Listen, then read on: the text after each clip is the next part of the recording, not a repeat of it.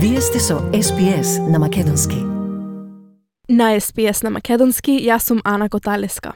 Премиерот го брани планот на неговата партија да отвори пристап до парите од пензискиот фонд за лицата кои купуваат прв дом и покрај предупредувањата дека тоа би можело дополнително да ги зголеми цените на куките и да ги повреди пензиските заштеди на долг рок. Скот Морисон исто така се оправдува поради извештаите дека САД сакале согласност од двете големи партии за да се подпише договорот за ОКС, иако на лабористите им било кажано само еден ден пред објавувањето. Подетално во прилогот на Кришани Данджи за SPS News.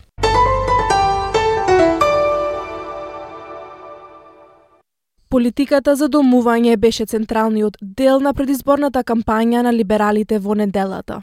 И во обид да ги привлече младите гласачи кои се повеќе разочарани од партијата, Скот Морисон објави план да им овозможи на купувачите на прв дом да пристигнат до дел од нивниот пензиски фонд за станбен депозит. Тоа ќе им овозможи на купувачите кои веќе заштедиле 5% да добијат пристап до 40% од нивната superannuation, до максимум 50.000 долари. Многу го критикуваа планот на премиерот поради загриженост дека тоа ќе ги зголеми цените на куките, бидејќи на пазарот ќе влезат поголем број купувачи. Говорејќи на радио ABC вчера, Министерката за пензиско осигурување Джейн Хјум, веќе призна дека тоа би можело да доведе до зголемување на цените на куките на краток рок. I would imagine that there would be a lot of people that bring forward their decision to buy a house. So I would imagine in the short term you might see a bump in house prices.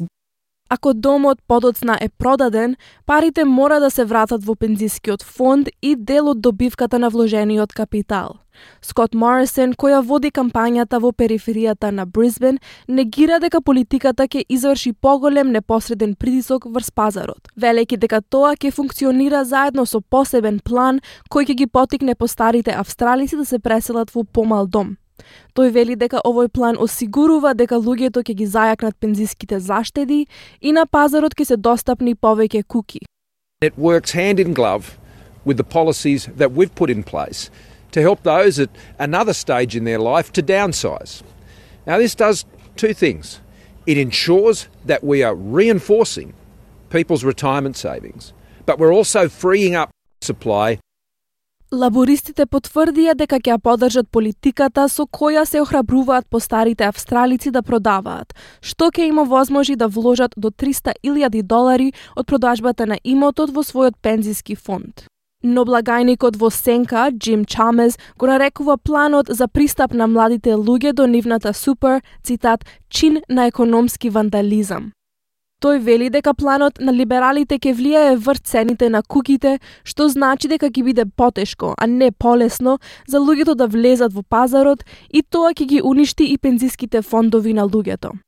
The Liberals can't even get their story straight on what it will mean for house prices, but the evidence is clear that this will have a diabolical impact on house prices. It will make it harder, not easier, for people to get into the housing market and it will bulldoze people's super in the process.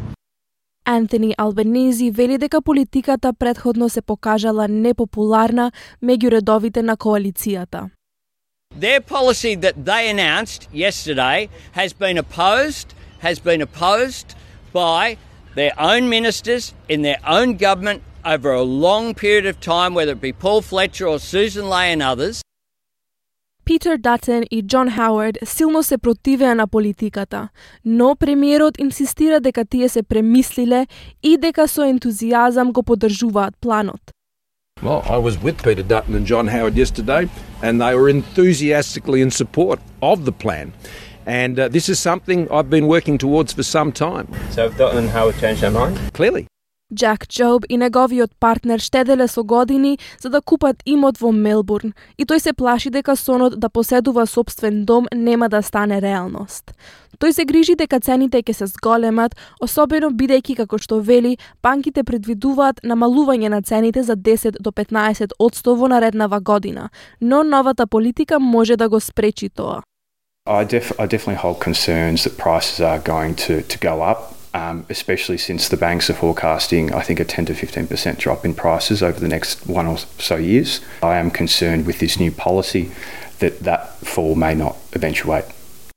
Премиерот исто така се соочи со критики вчера, поради извештаите дека САД инсистирале Австралија да обезбеди поддршка од двете големи партии, пред да го подпише договорот за безбедносниот сојуз ОКЕС и покрај тоа што лабористите биле известени за тоа само еден ден пред објавувањето.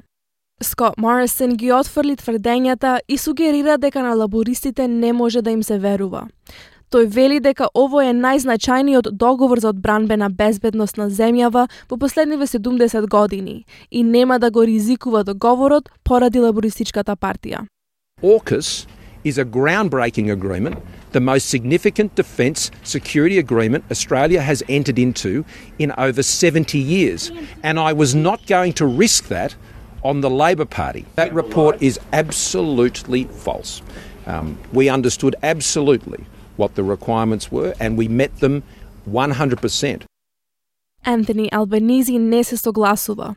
Тој вели дека премиерот ги става своите политички интереси пред интересите на државата.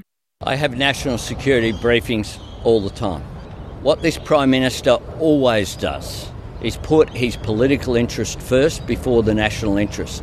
It's always about the politics. What I haven't done is ever release private text messages uh, between people, let alone between leaders of other countries. Партијата која би можела да одреди кој ќе победи на сојузните избори ја започна својата кампања во Брисбен. Зелените објавуваат список со желби доколку се здобијат со моќ за рамнотежа на силите во представничкиот дом или преговарачка моќ во случај на малцинска влада. На списокот на желби, во Medicare да бидат вклучени денталното и менталното здравје, да нема нови проекти за јаглен и газ, изградба на станови со пристапни цени, бесплатна грижа за децата, пришење на студентскиот долг, зголемување на поддршката на приход и напредок во врска со сообштението од Улуру од срце. Водачот Адам Бенд објасна како тие ќе платат за овие барања.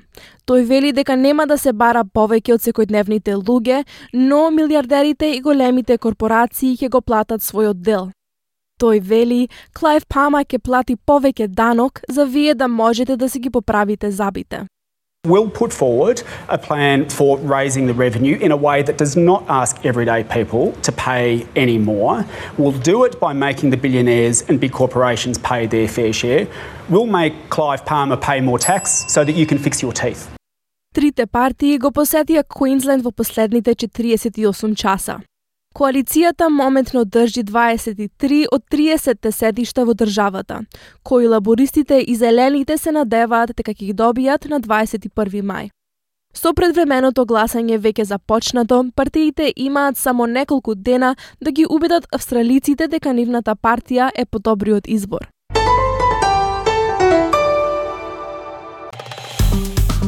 Стиснете, ми се допаѓа, споделете, коментирајте. Следете ја SPS на Македонски на Facebook.